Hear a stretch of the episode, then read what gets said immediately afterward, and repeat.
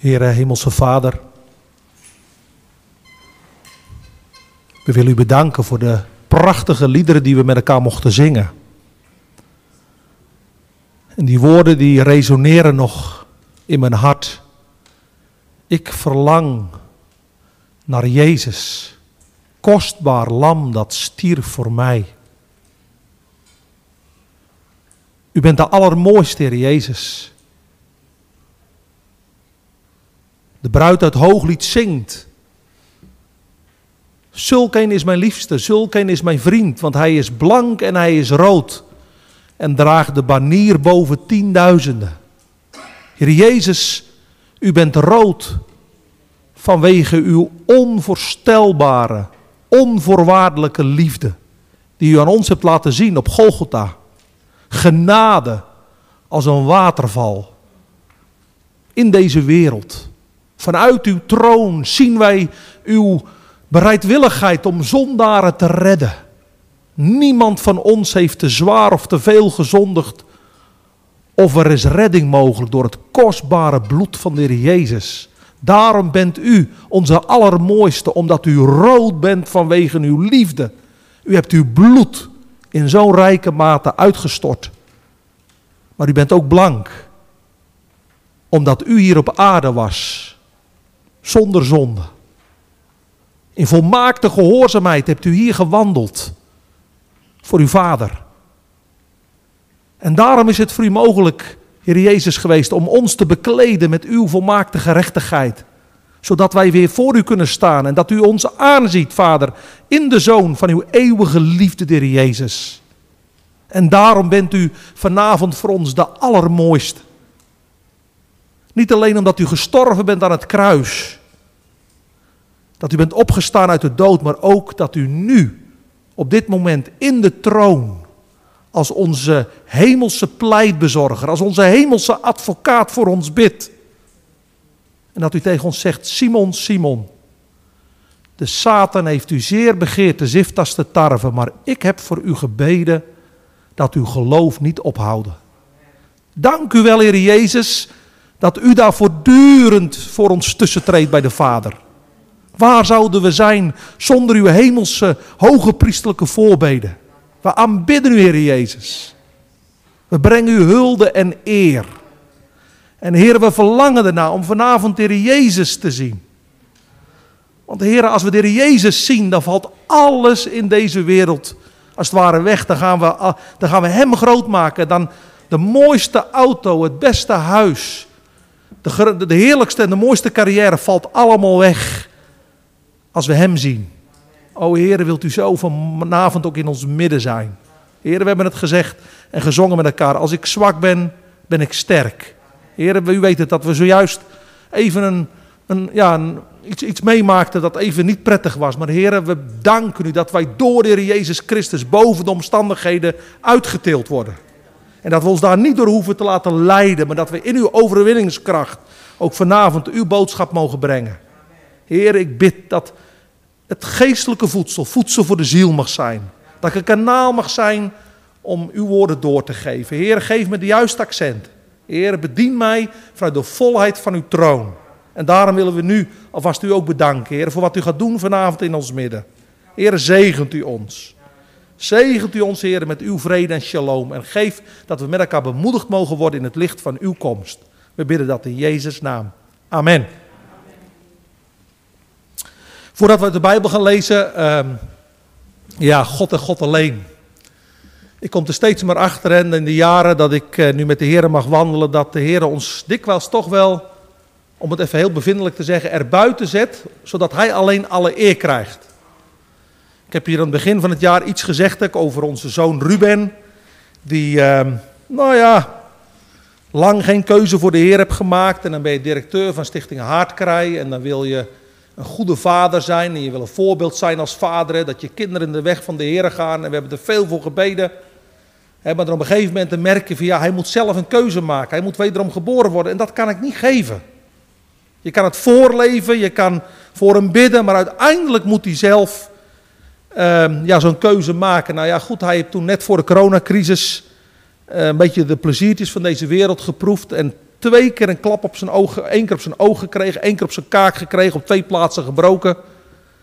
En uh, toen veranderde zijn gezindheid, maar nog steeds niet die keuze gemaakt. Totdat hij in november zei, pa, ik wil naar uh, Zuid-Afrika toe om daar een bijbelschool te gaan doen. Hè? Dezelfde bijbelschool waar André ook geweest is.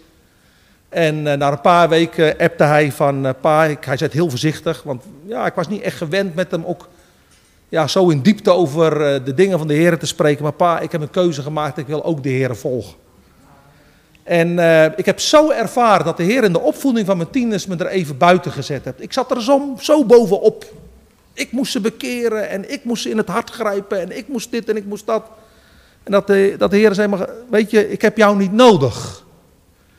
En uh, nou kreeg ik, eh, drie weken geleden kreeg ik een filmpje van hem en uh, dat hij in Malawi, hij is nu in Malawi op een zendingspost en dat hij daar zijn eerste preekje heeft gehouden in een huiskerk over de val van de mens. En uh, ja, dan word je gewoon echt stil van. En dan kan je alleen maar, ik, ik, ik leef in die zin gewoon in een stuk verwondering. Ik heb hem nog niet ontmoet, maar dat, dat ja, de Heer heeft mij niet nodig gehad om uiteindelijk zijn hart te gebruiken, zodat hij alleen alle eer krijgt. Yes, amen. Hè? En dat is weer zo'n les eigenlijk weer, elke keer weer, hè? in al ons geestelijke werk. Als wij denken dat wij het kunnen doen, dan zet de Heer ons soms even in de wachtstand of even erbuiten. En nou is de Heer zo in het hart van Ruben bezig en ik zie het uh, mijn dochters worden door getriggerd. Die zijn weer ja, echt uh, het boek van Henk Binnendijk aan het lezen. En, en Ezra die vindt het natuurlijk heel raar dat die stoere broer nou ineens over de dingen van God spreekt. En ja, weet je, dat, dat, kan je alleen maar zeggen. Glorie aan, aan Jezus. Ja, echt. Heel, heel wonderlijk. Goed, we gaan met elkaar um, twee stukjes uit de Bijbel lezen. We zullen zien hoe, hoe ver we komen. Het is natuurlijk allemaal een beetje anders gegaan vanavond. Maar we gaan toch het woord brengen. En we lezen twee stukjes, het Matthäus 25 en een stukje uit Titus 2. Matthäus 25 en Titus 2. Matthäus 25, het bekende gedeelte. We gaan er zomaar een paar dingen over zeggen, maar niet te veel. Maar ik vind het wel belangrijk om dat vanavond ook weer opnieuw te lezen. Uh, Matthäus 25, vers 1. Dan zal het koninkrijk der hemelen gelijk zijn aan tien maagden. Ik vind meisjes iets te zwart vertaald. Tien maagden. Die hun lampen namen en op weg gingen de bruidegom tegemoet. Vijf van hen waren wijs en vijf waren dwaas. Zij die dwaas waren namen wel hun lampen, maar geen olie met zich mee. De wijzen namen met hun lampen ook olie mee in hun kruikjes. Toen de bruidegom uitbleef, werden ze alle slaperig en vielen in slaap. En te middernacht klonk er een geroep. Zie, de bruidegom komt, ga naar buiten hem tegemoet. Toen stonden al die meisjes op en maakten hun lampen in orde. En de dwazen zeiden tegen de wijze, geef ons van uw olie, want onze lampen gaan uit. Maar de wijze antwoordden, in geen geval, anders is er misschien niet genoeg voor ons. En u, ga liever naar de verkopers en koop olie voor uzelf. Toen ze weggingen om olie te kopen, kwam de bruidegom en zij die gereed waren, gingen naar, hem, naar binnen, naar de bruiloft en de deur werd gesloten. Later kwamen ook de andere meisjes die zeiden, Heer, Heer, doe ons open. En hij antwoordde zeide, voorwaar, amen staat er, ik zeg u, ik ken u niet. Wees dan waakzaam, want u weet de dag en ook het uur niet waarop de zoon des mensen komen zal. Tot zover het eerste, de eerste schrift. Lees nog een paar versen uit Titus 2. Titus 2. Voor Hebreeën, na Timotheus. Paulus die heeft uh, Titus achtergelaten op Kreta om uh, orde te brengen in Gods huis. Om oudsten aan te stellen. En dan zegt hij in Titus 2, vers 11. Want de zaligmakende genade van God is verschenen aan alle mensen. En leert ons de goddeloosheid en de wereldse begeerte te verloochenen. En in deze tegenwoordige wereld bezonnen, rechtvaardig en godvruchtig te leven. Terwijl wij verwachten de zalige hoop en verschijning van de heerlijkheid van de grote God en onze zaligmaker Jezus Christus Hij heeft zichzelf voor ons gegeven, opdat hij ons zou vrijkopen van alle wetteloosheid en voor zichzelf een eigen volk zou reinigen. Ijverig in goede werken.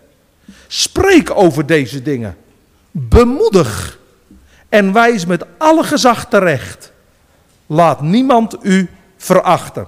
Tot zover de schriftlezing voor vanavond. Ik wil met jullie vanavond spreken over dit thema. En nogmaals, we zullen zien hoe, hoe ver we komen. Maar genade voedt je op om godvruchtig en transparant te leven.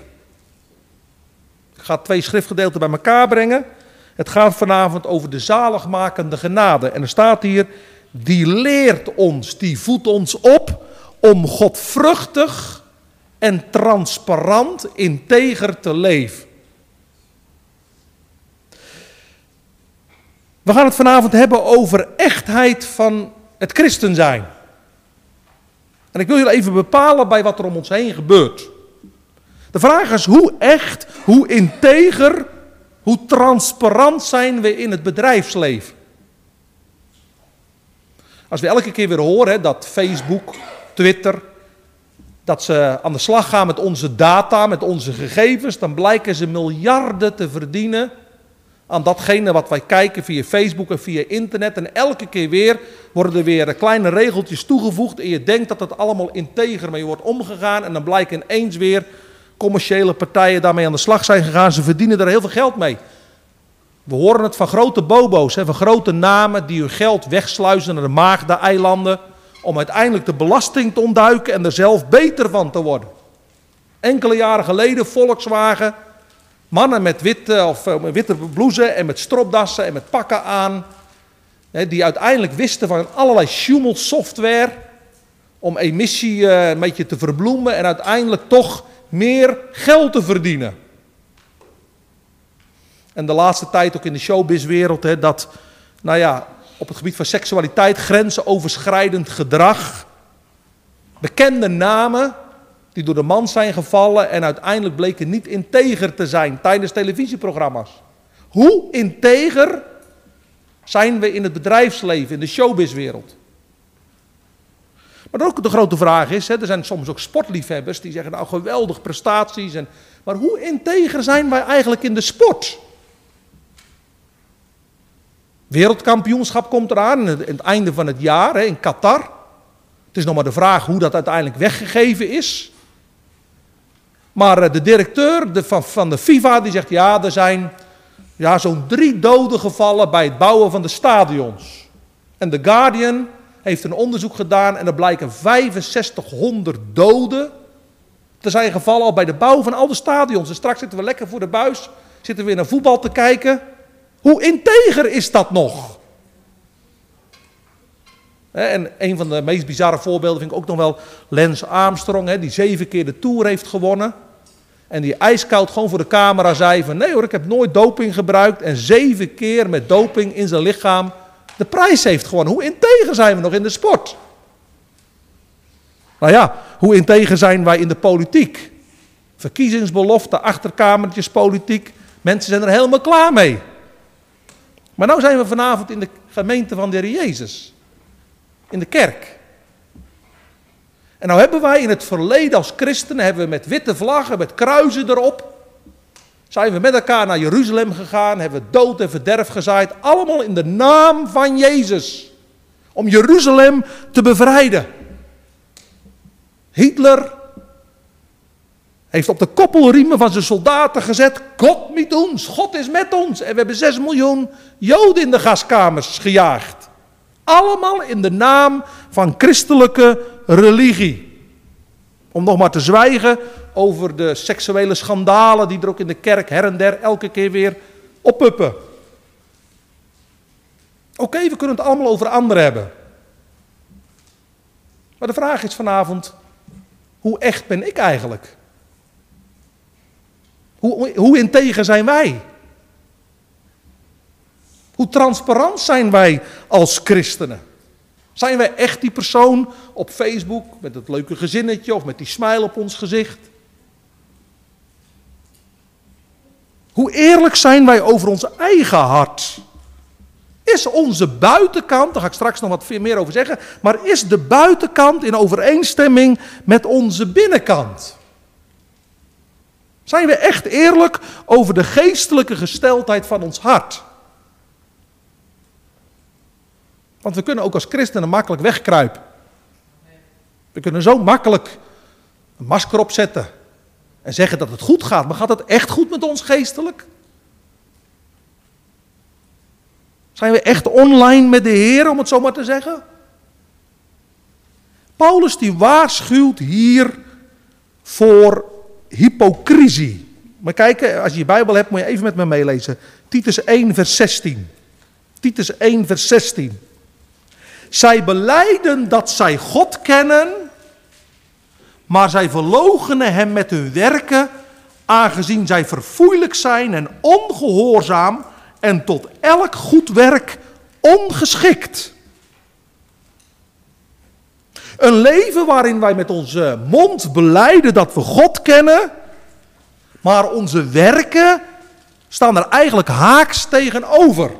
We leven niet uit wat de Heer in zijn woord aan ons voorhoudt.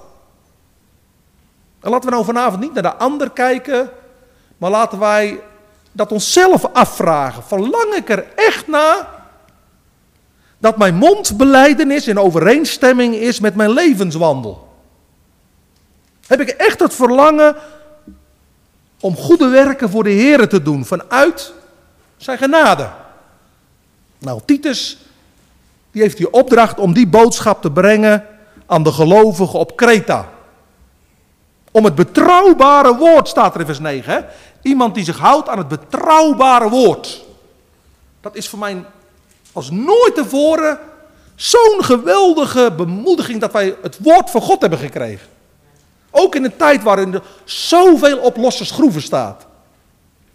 Om te zeggen, maar het woord, het woord van God ja, dat is een vaste constante in een wereld die in rep en roer staat. Nou, Titus die moet oudsten aanstellen die in staat zijn om dat betrouwbare woord van God door te geven. Hij noemt dat ook het gezonde onderwijs. Dat vind ik zo mooi, hè? zodat hij bij machten is anderen te bemoedigen door het gezonde onderwijs. Vers 9.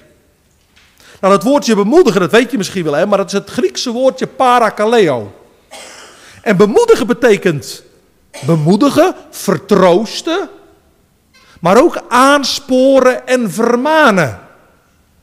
Dus dat heeft iets in soms hè, van correctie, maar ook bemoediging. En dat geloof ik, hè, wij komen op zondag samen om aan de ene kant Jezus groot te maken. We komen samen rondom de Jezus, maar ook om door het gezonde onderwijs bemoedigd te worden. In het lopen van die wedloop te zeggen, houd vol. Houd vol. Blijf zien op Jezus. Nou, wat is nou het gezonde onderwijs?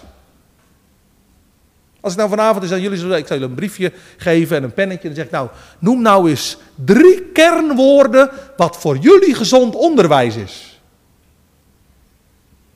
Nou, dat behandelt Paulus in vers 11 tot en met 14. En je zou het vanavond kunnen zeggen, en dat heb ik eigenlijk een klein beetje gekopieerd van Johannes de Heer. Maar dat zijn drie V's. Johannes de Heer die heeft een, eh, een opwekkingsbeweging, heeft hij leiding aan mogen geven, zo rond het jaar 1900. En hij had de drie V's. De V van verzoening, de V van vervulling en de V van verwachting. En dat zie je nou ook in dit gedeelte naar boven komen. Er wordt gesproken over de zaligmakende genade van God die verschenen is aan alle mens. En vers 14, want hij heeft zichzelf voor ons gegeven, opdat hij ons zou vrijkopen van alle wetteloosheid. Dus de verzoening betekent, hè, en dat, dat hebben wij denk ik duidelijk, daar hebben we ook weer van gezongen, het lied van Chris Tomlin, hè, over de waterval van Gods genade.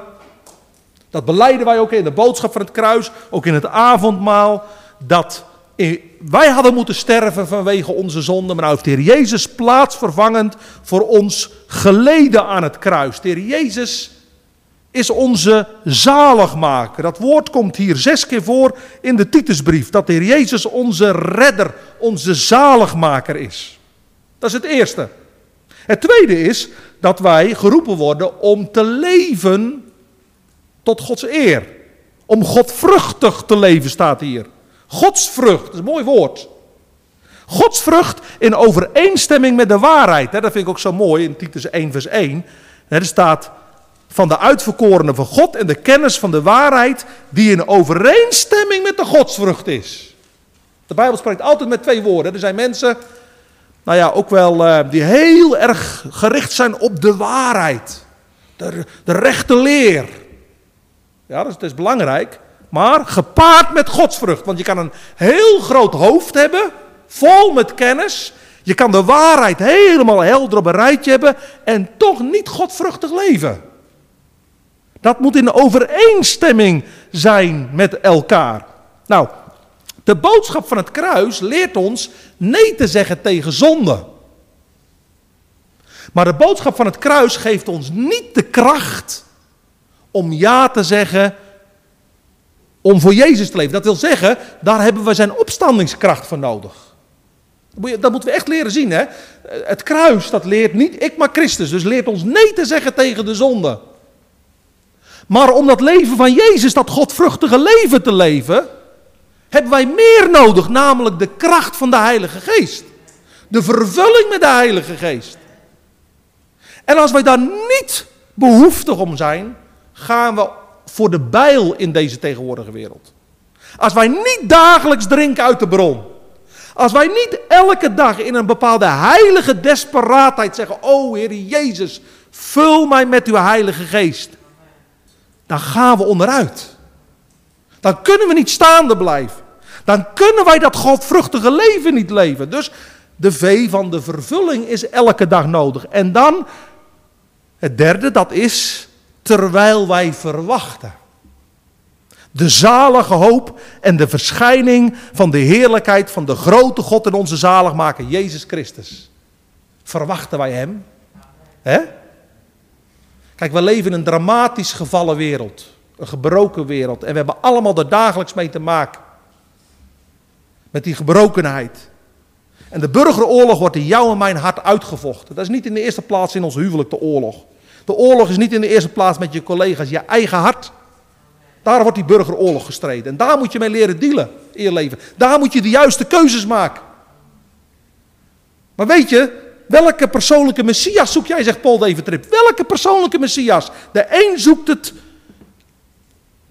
in tastbare dingen, in geld en in goed. De volgende zoekt het in een verslaving. Weer een ander zoekt het uh, in eer en aanzien. Maar we zoeken allemaal een messias. Maar is er maar één die jouw hart kan vervullen, dat is de Heer Jezus.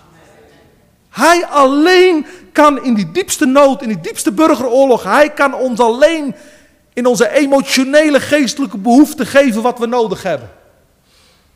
Maar weet je, wat is de troost?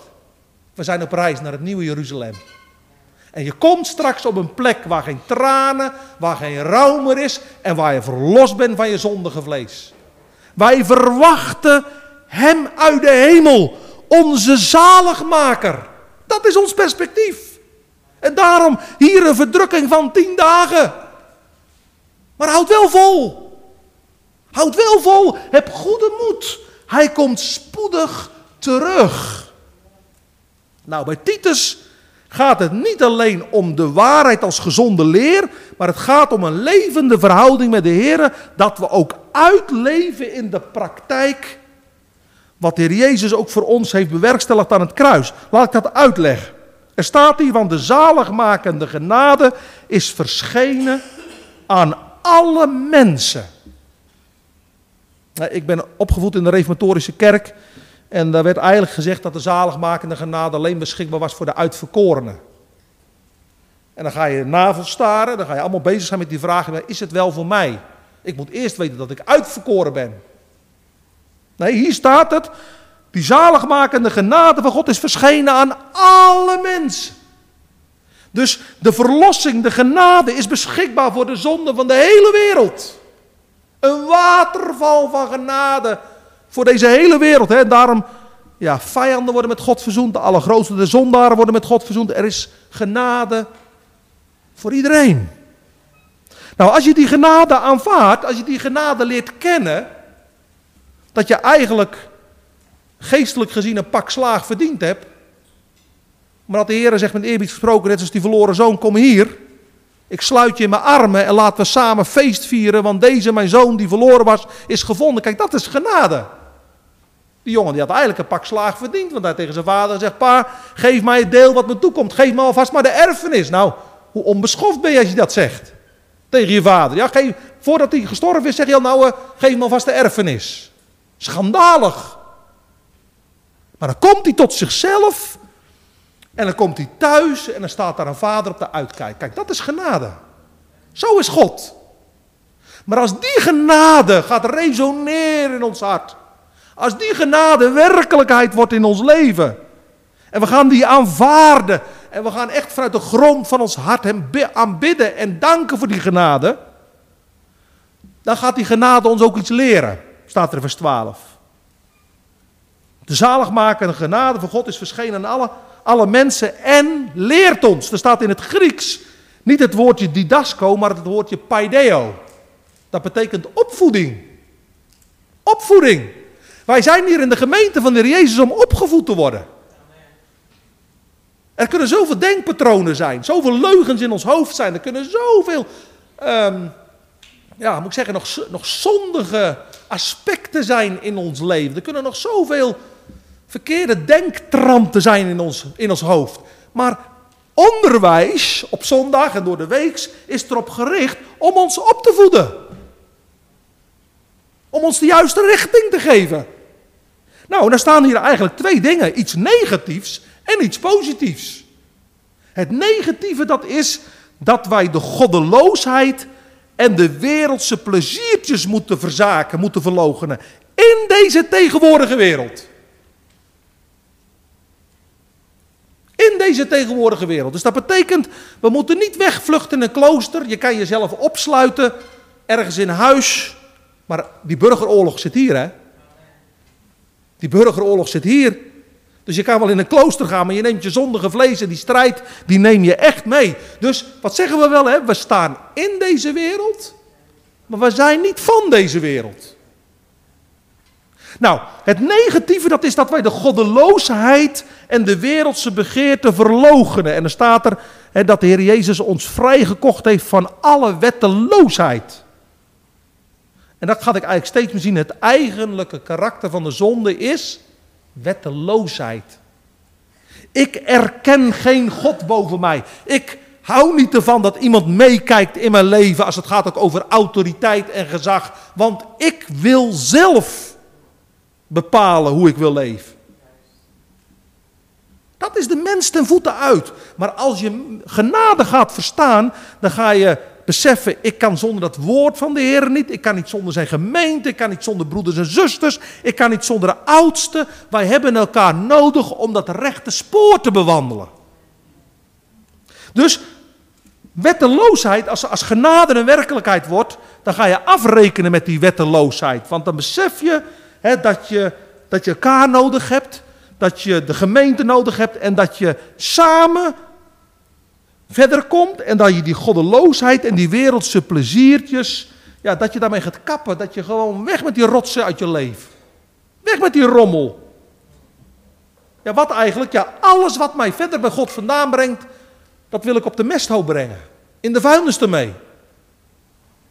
Wat kan er in jouw leven nog zijn aan wereldse pleziertjes, aan godloosheid, waar God eigenlijk niet in is, wat jou niet dichter bij God brengt, maar verder bij hem vandaan?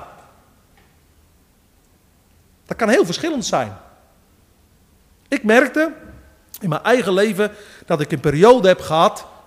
Ik kom uit een boeren-agrarische streek waar echt eh, nou, makkelijk gepimpeld werd. Waar best wel makkelijk bier werd gedronken. En uh, nou ja, dat was geen zonde. Ik bedoel, ja, gezellig op een feestje. Drie, vier, vijf, zes, zeven biertjes. Maar het is op een gegeven moment een levensstijl geworden dat ik ook toen ik, toen ik in mijn huwelijk ben gegaan, om toch gewoon, ja, ja, ja, de avond was eigenlijk niet compleet als ik niet even één of twee biertjes of een borreltje nam, om het zo maar te zeggen. Hè. Eh, dus, dus nou ja, maar je merkt gewoon, de andere dag sta je beroerd op uit bed, of althans beroerd, maar niet echt fris op, om tijd vrij te maken voor de heren. En uh, op een gegeven ogenblik is er een conferentie keer geweest met Frans elkaar. En uh, nou ja, toen was het een keer, het ging over geestvervuld leven. Welke obstakels zijn er nog in jouw leven die dat in de weg staan? En de Heer praatte met mij. Ben je bereid om, al, om alcohol op het altaar te zetten? Ben je bereid om gewoon, want jij hebt niet alcohol in de greep, maar alcohol heb jou in de greep. Nou, ik zelf denk, er is, er is geen, een glaasje wijn heb ik geen enkele moeite mee. Misschien voor jullie sommigen wel, maar ik denk dat we daar als christenen, hè, het gaat over met mate, mag je wel een, een biertje genieten in de zomer. Maar het gaat erover, als het jou verder van God vandaan brengt, dan moet je er gewoon mee breken. Dan, moet je, dan, dan, dan zegt de Heer, ben je nou bereid om gewoon het op het altaar te leggen en dan zeggen, ja Heer, ik ben er vrij van. Innerlijk ben ik er vrij van. Stoppen met die dingen die jou verder bij God vandaan brengen. Dat is het negatieve. Maar het positieve is bezonnen, rechtvaardig en godvruchtig leven. Dus de Heer, je ziet altijd dat proces dat we soms dingen moeten laten en God gaat er dingen voor in de plaats brengen. Er komt een leven van zelfbeheersing, van geduld. Ik was ook al ongeduldig. Ik krijg even daar, nota bene. Ik was vroeg weggereden vanmiddag om hier te zijn. En nou, files op de snelweg en uh, de, de afrit was helemaal vol stond Dus dat heb ik al tien minuten over gedaan. En dan denk ik, ja, wat verbazend. Dan ben ik, ben ik een keer op tijd en dan gebeurt dit weer. Nee, heer, u bent in beheer, ook van deze file. Blijkbaar wilt u een les leren. Heer, ik dank u. U wilt me geduld leren. Nou, dan ben je tien minuten voor tijd ben je hierachter, daar bij die moskee. En uh, ineens komt er een auto keihard aanrijden. En ik moet gewoon bovenop de rem staan, anders had ik zijn spiegel gepakt. En knalt er bovenop bij een scooter. En die valt zo opzij tegen een andere auto aan. John, dan ben je helemaal verslagen. Nu komt, ja, baal. Ik zeg, ik had zo zin om het woord te brengen. Dan gebeurt dit. Nou, rustig, rustig. We gaan gewoon de preek houden. Ja, inderdaad. God is in beheer van elke situatie. God is de soevereine over jouw leven. Hij is in beheer van jouw leven. Hij wil dat je dingen wegdoet uit je leven, maar hij wil daar ook een geduldig, bezonnen, rechtvaardig en godvruchtig leven voor in de plaats stellen. Ja, wat is dat leven? Ja, dat leven is het leven van de Heer Jezus. Want hij was volmaakt bezonnen, zelfbeheersing. Hè? Hij was volmaakt rechtvaardig en hij heeft echt godvruchtig geleefd. Nou, dat is Gods plan met ons leven. En ik heb hier staan, hè, Henk Binnendijk, die vroeg een paar jaar geleden, vroeg hij op een bijbelschool dit. Zijn gelovigen betere mensen? Nou, de studenten die aarzelden allemaal, hè, langzaam een vingertje omhoog, weer vingertje terug. Ja, wat bedoelt broeder Henk daarmee? Hè? Zijn gelovigen betere mensen? Ze dachten wel, de, de aap komt straks vanuit de mouw wat hij ermee wil zeggen. Zijn gelovigen betere mensen? Niemand durfde zijn hand opsteken. Twee. Het werd, hij werd echt verontwaardigd. Hè? Hij zegt, wat? Denk je dat gelovigen dan geen betere mensen zijn? Wat is het evangelie anders waard? Natuurlijk zijn wij betere mensen. Ja, niet in onszelf. Het is het leven van de Heer Jezus er in ons. Maar uiteindelijk maak je toch wel verschil op je werkplek. Ja, niet jij, maar het leven door de geest door jou heen maakt toch verschil in jouw omgeving, op jouw werkplek, in jouw wijk. Dat betere, dat zit niet in dat ik zo'n krachtpatser ben. Nee, ik ben zwak, maar gij zijt machtig. Wees mijn gids in het barre land. En daarom hebben wij die volheid van de Heilige Geest nodig. Nou, wat ik zo mooi vind, is dat als je naar een heilig leven kijkt in het Nieuwe Testament, zit het eigenlijk altijd ingeklemd tussen twee dingen. Namelijk tussen de genade en de wederkomstverwachting. Kijk, heiliging kan een doel op zichzelf worden. Hè? Dan, ja, we moeten heilig leven. Ja, je moet nog heiliger leven. Dat het een soort bijna wettische activisme wordt. Hè? Dat je zegt, ja, ik moet heilig leven. Maar weet je, ik denk dat de ware heiliging voortvloeit uit de verwondering vanwege de genade. De afgelopen zaterdagavond hadden wij, of vrijdagavond hadden wij een kampvuuravond. En er was een oude broeder. Die ook soms zo worstelt met zichzelf en met zichzelf overhoop zit. En ik zeg, hoe is het ermee? Hij zegt, Arjan, altijd tekort. Arjan, altijd tekort. Ik zeg, broeder, Maar daartegenover staat toch dat hij uitriep: Het is volbracht. Je verwacht het toch niet meer van jezelf? Ja, dat is waar, het is in ons leven altijd tekort. Maar daartegenover staat toch dat Christus uitriep aan het kruis: Tete lestai, ik heb de prijs betaald, ik heb genoeg gedaan. En als je dat toch vanavond weer mag zien in jouw specifieke situatie. Ja, heer, het is te kort. Ja, het is waar.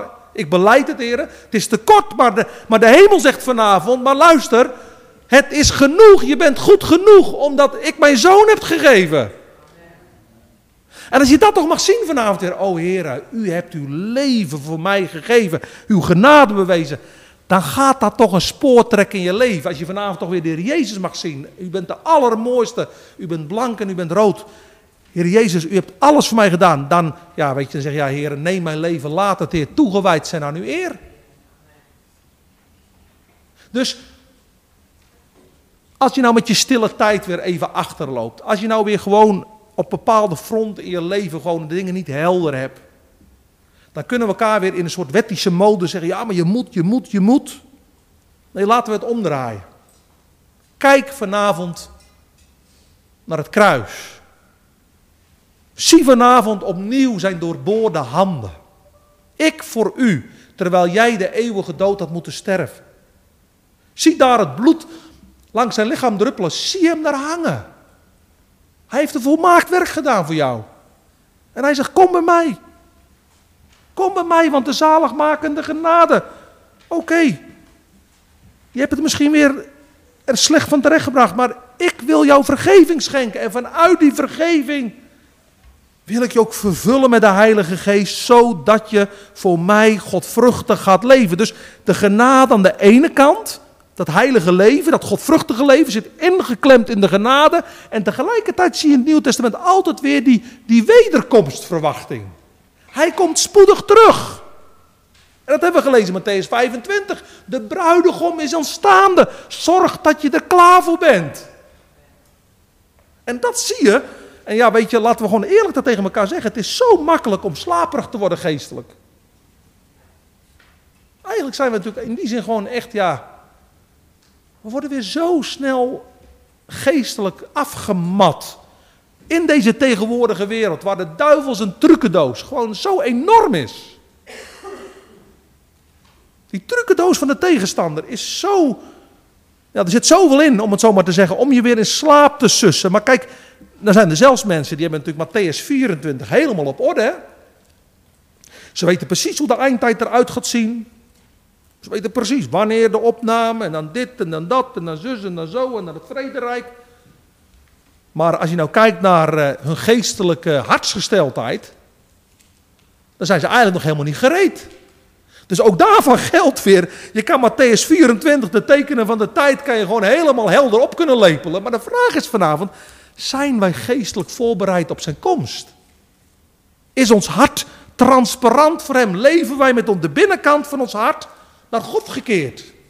Zeg, heren, al is daar een schadelijke weg, leid mij op de rechte weg. Heren, ik wil niet dat er iets tussen mij en u in staat. Ik wil niet dat er tussen mij en mijn naaste wat in staat. Heren, ik verlang een herlevingsleven. Dus tien meisjes zijn onderweg, een beeld van de gemeente. En op een gegeven ogenblik blijkt er een groepje te zijn van vijf, die hebben geen reserveolie. Nou, daar wil ik even, even de vinger bij leggen. Geef ons, als het ware, van uw reserves. We missen reserveolie. En ja, die vijf wijze meisjes die zeggen, ja, ga maar naar de verkopers. Maar, maar blijkt dan uiteindelijk dat ze te laat zijn. En dan zegt de bruidegom, ik ken jullie niet. En de deur die is gesloten.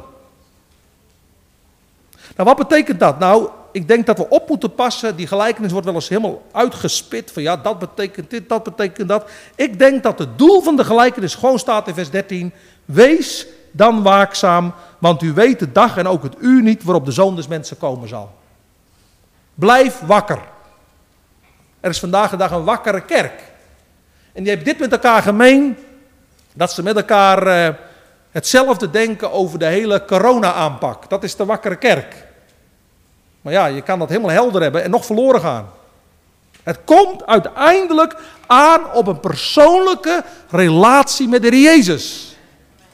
Alleen dan kunnen wij straks Hem tegemoet gaan en zullen we die woorden niet horen. ehm, ga weg van mij, ik ken u niet.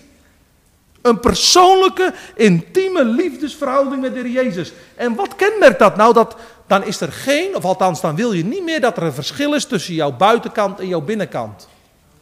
Je verlangt erna om je binnenste buiten te keren naar God en zeggen, Heere, dwars door het vuur maakt u mij rein en puur.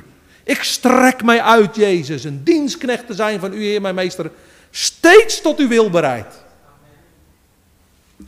Dus geef mij van uw reserves. Geef mij reserveolie.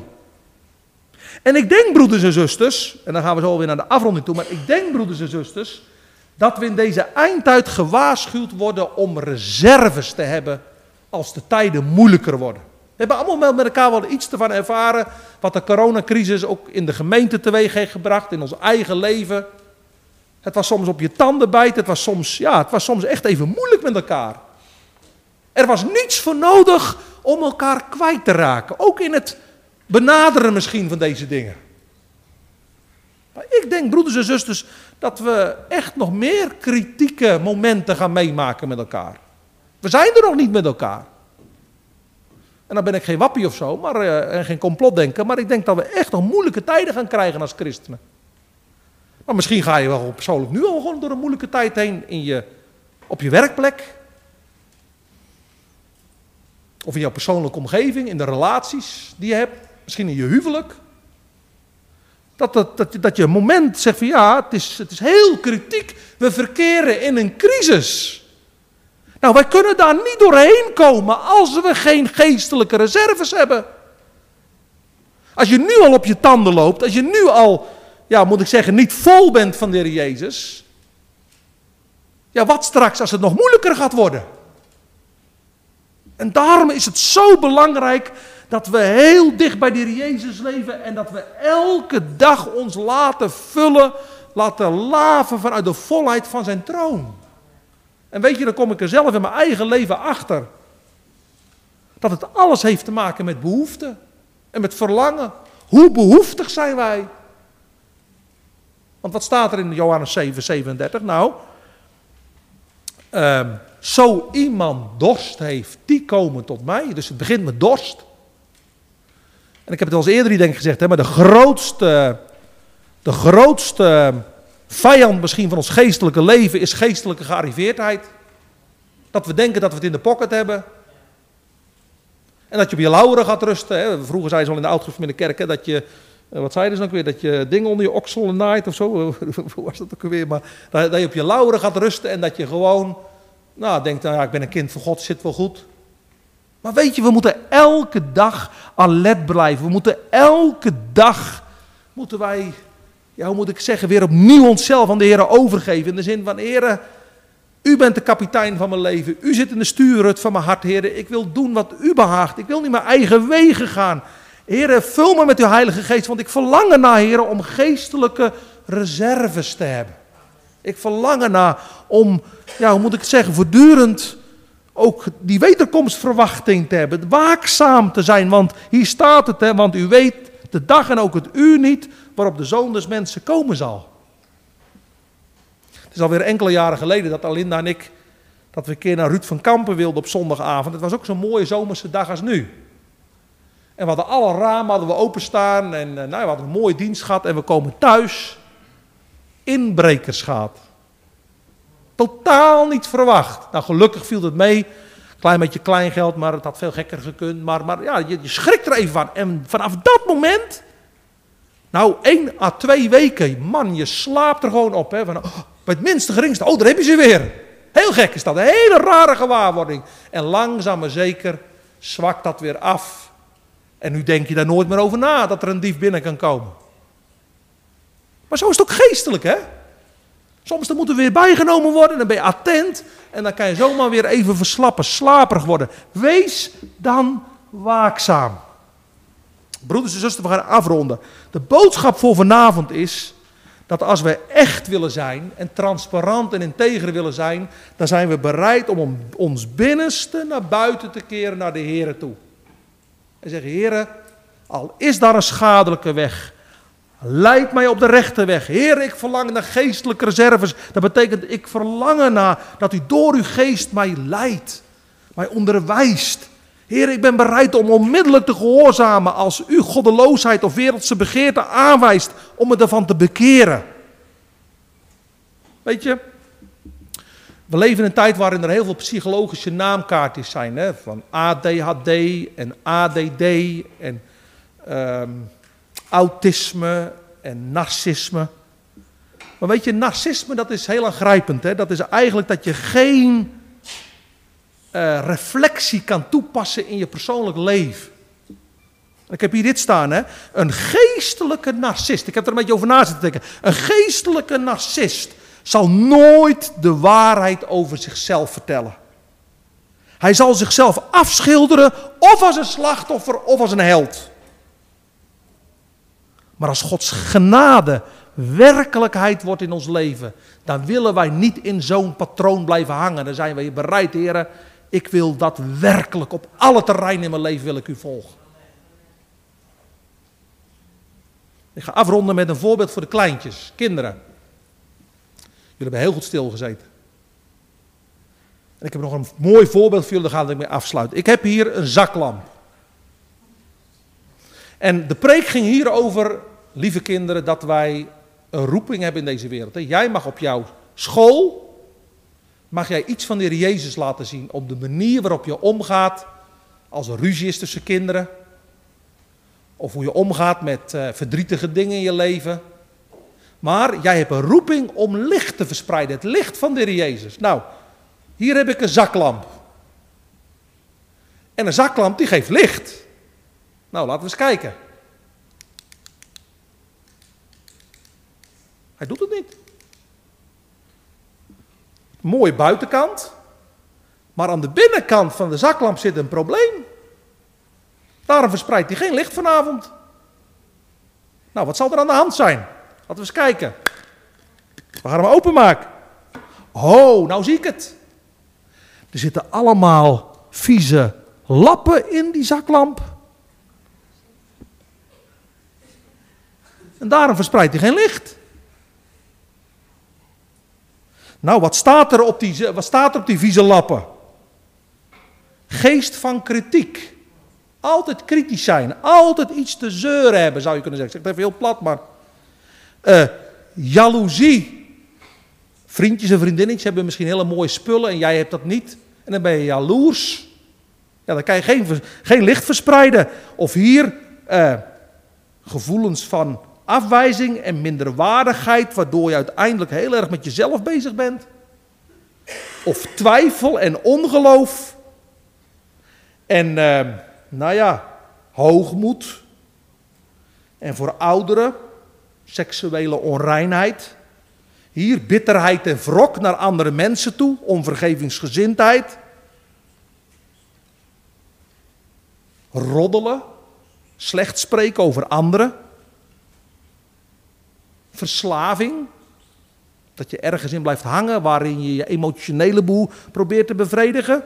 Kortom, nou ja, ik heb hier nog staan, oneerlijk zijn, misschien liegen, hè? dat je tegen je ouders niet de waarheid spreekt. Heb je dat gedaan? Nee, heb ik niet gedaan. Terwijl je het wel gedaan hebt. Nou, als je al die zonden, als je je daar niet van bekeert, kan je geen licht verspreiden. Dus wat is er nou nodig? Nou, let op. Goed luisteren. Je, je moeder gaat vanavond twee vragen je vader. Hè? Dan ga je, zit, ik heb hier twee batterijen. Op de eerste batterij staat wedergeboorte. Ja, dat is nodig. Om licht te verspreiden heb je wedergeboorte nodig. Want in Titus 3, vers 15 wordt er gesproken over het bad van de wedergeboorte. Dat Gods geest je opereert, je hart je opereert, je hart opereert en de Heilige Geest geeft. De heilige, we gaan straks naar Pinksteren toe hè, en dan zegt de Heer, de Heilige Geest zal bij je komen en intrek bij je nemen. Dat is de wedergeboorte. De krachtbron om te leven tot Gods eer, om godvruchtig en transparant te leven. Dus er is wedergeboorte nodig. Dat is het eerste. Maar Op de tweede batterij staat bekering. Wegdraaien van de zonde en tot je volle verstand komen dat al deze vieze lappen uiteindelijk uh, niet het leven van de Heer Jezus is. Hè, dat het als het ware uh, een anti-getuigenis is. Dus wedergeboorte en bekering. Die zijn nodig. Nou, laten we eens kijken. Als dat er nou in ons leven is, als we nou opnieuw geboren worden, we ontvangen de Heilige Geest en we gaan ons bekeren van al die vuile dingen in ons leven. Wat gaat er dan gebeuren? Dan gaan we licht verspreiden in ons leven. Dan gaan we licht verspreiden in ons leven. En dat is de boodschap van vanavond voor ouderen en voor kinderen. We zijn allemaal werk en uitvoering, we zijn allemaal onderweg. Maar het is mijn gebed dat we vanuit de genade in het licht van zijn, van zijn wederkomst, dat we zeggen, ja heren, dat is mijn verlangen om uw licht te verspreiden. Amen. We gaan met elkaar danken. Heere, Hemelse Vader, we danken u dat u hier vanavond in ons midden bent. En dat u door uw Heilige Geest de rijen doorgaat. En dat u ons vanavond hebt duidelijk gemaakt dat u wil dat wij integer, transparant leven voor uw aangezicht. U kent de motieven van ons hart. U weet, heren, hoe we in het leven staan. En het is een gebroken, gevallen wereld waar we ook soms als christenen gewoon niet het rechte zicht hebben op bepaalde situaties. En toch zeggen we vanavond tegen u, heren, hier zijn wij. Wij willen ons opnieuw aan u overgeven. We hebben zo'n behoefte, heren, naar een nieuwe vervulling met de Heilige Geest. Ik verlang naar Jezus. Kostbaar lam dat stierf voor mij. Heer Jezus, ik verlang ernaar dat u nog meer door mijn leven zichtbaar wordt naar de wereld om me heen. En soms dan zien we iets van die vernieuwing en soms zien we er niets van. Maar heren, wij willen ons oog blijven houden op de Heer Jezus. Bewaar ons, heren, voor geestelijk navelstaren, maar geef ons wel eerlijkmakende genade om niet met zo'n masker te leven en te zeggen, ja, maar ach, wie ziet het? U ziet alle dingen. Heren, we verlangen ernaar om waakzaam met elkaar te zijn en ook om geestelijke reserves te hebben. Misschien zijn er die christenen die uitgeput zijn, die het leven moe zijn. Heer, ik wil voor hem of haar bidden. Vervul onze broeder en zuster opnieuw met uw Heilige Geest. Heer, geef ons moed. Heer, u wil ons bemoedigen. U wil ons altijd dichter bij uw zoon brengen. Niet verder vandaan, Heer. We danken u voor de genade. Voor uw onvoorwaardelijke liefde. We loven en prijzen u ervoor. Heer, ik dank u dat ik ja, toch in de rust mocht blijven. Ondanks dat misschien de hele situatie onrustig was toen ik hier naartoe kwam. En daarom kan ik alleen maar zeggen, Heer, u alle eer. Heer, dat ik in de rust en vanuit de rust ook uw boodschap mocht brengen. Ik dank u voor deze broeders en zusters, voor deze gemeente, voor Hugo en Ilse, voor al degenen die hier ook een taak mogen hebben. We danken u dat we al meer dan tien jaar met elkaar bevriend en verbonden zijn, dat we broeders en zusters mogen zijn. En we zien de zoon eruit, Heer, dat u ook in dit deel van uw wijngaard nog grote dingen gaat doen. Heer, we hebben het gehad over ja, reiniging, we hebben het gehad over vervulling. Heer, maar gebruik ook deze gemeente om een stem te mogen zijn in, uw wijk, in deze wijk. Zegen alle die een taak hebben in deze, in deze stad om uw licht te verspreiden. Heer, vervul ons met uw heilige geest. We hebben uw bekwaammakende genade nodig. Heer, zegen ons in de week die voor ons ligt. Heer, geef dat wij uw handen en voeten mogen zijn in deze wereld. Heer, hou ons heel dicht bij u. We bidden en danken dat in Jezus' naam. Amen. Ja, Heer Jezus, we verlangen naar echtheid. Bewerken diep in ons hart. Heer, we weten dat we allemaal werk in uitvoering zijn, Heer. En ik bid ook, kom met uw Heilige Geest, Heer. En als we het behoefte hebben om gewoon opnieuw ons leven aan u over te geven of zonde te beleiden, Heer. O God, geef ons de vrijmoedigheid daarvoor. O Heer, geef zodat we met u samen verder mogen gaan. Ja, dat u voorop gaat, Heer, en dat wij achter u aan mogen komen. Ga daarheen in vrede, broeders en zusters. En neem de zegen van de Heer met u mee. De Heer zegene u en hij behoede u. De Heer doet zijn aangezicht over u lichten en zij u genadig. De Heere verheffen zijn aangezicht over u en geven u zijn onmisbare vrede. Dat is zijn shalom. Amen.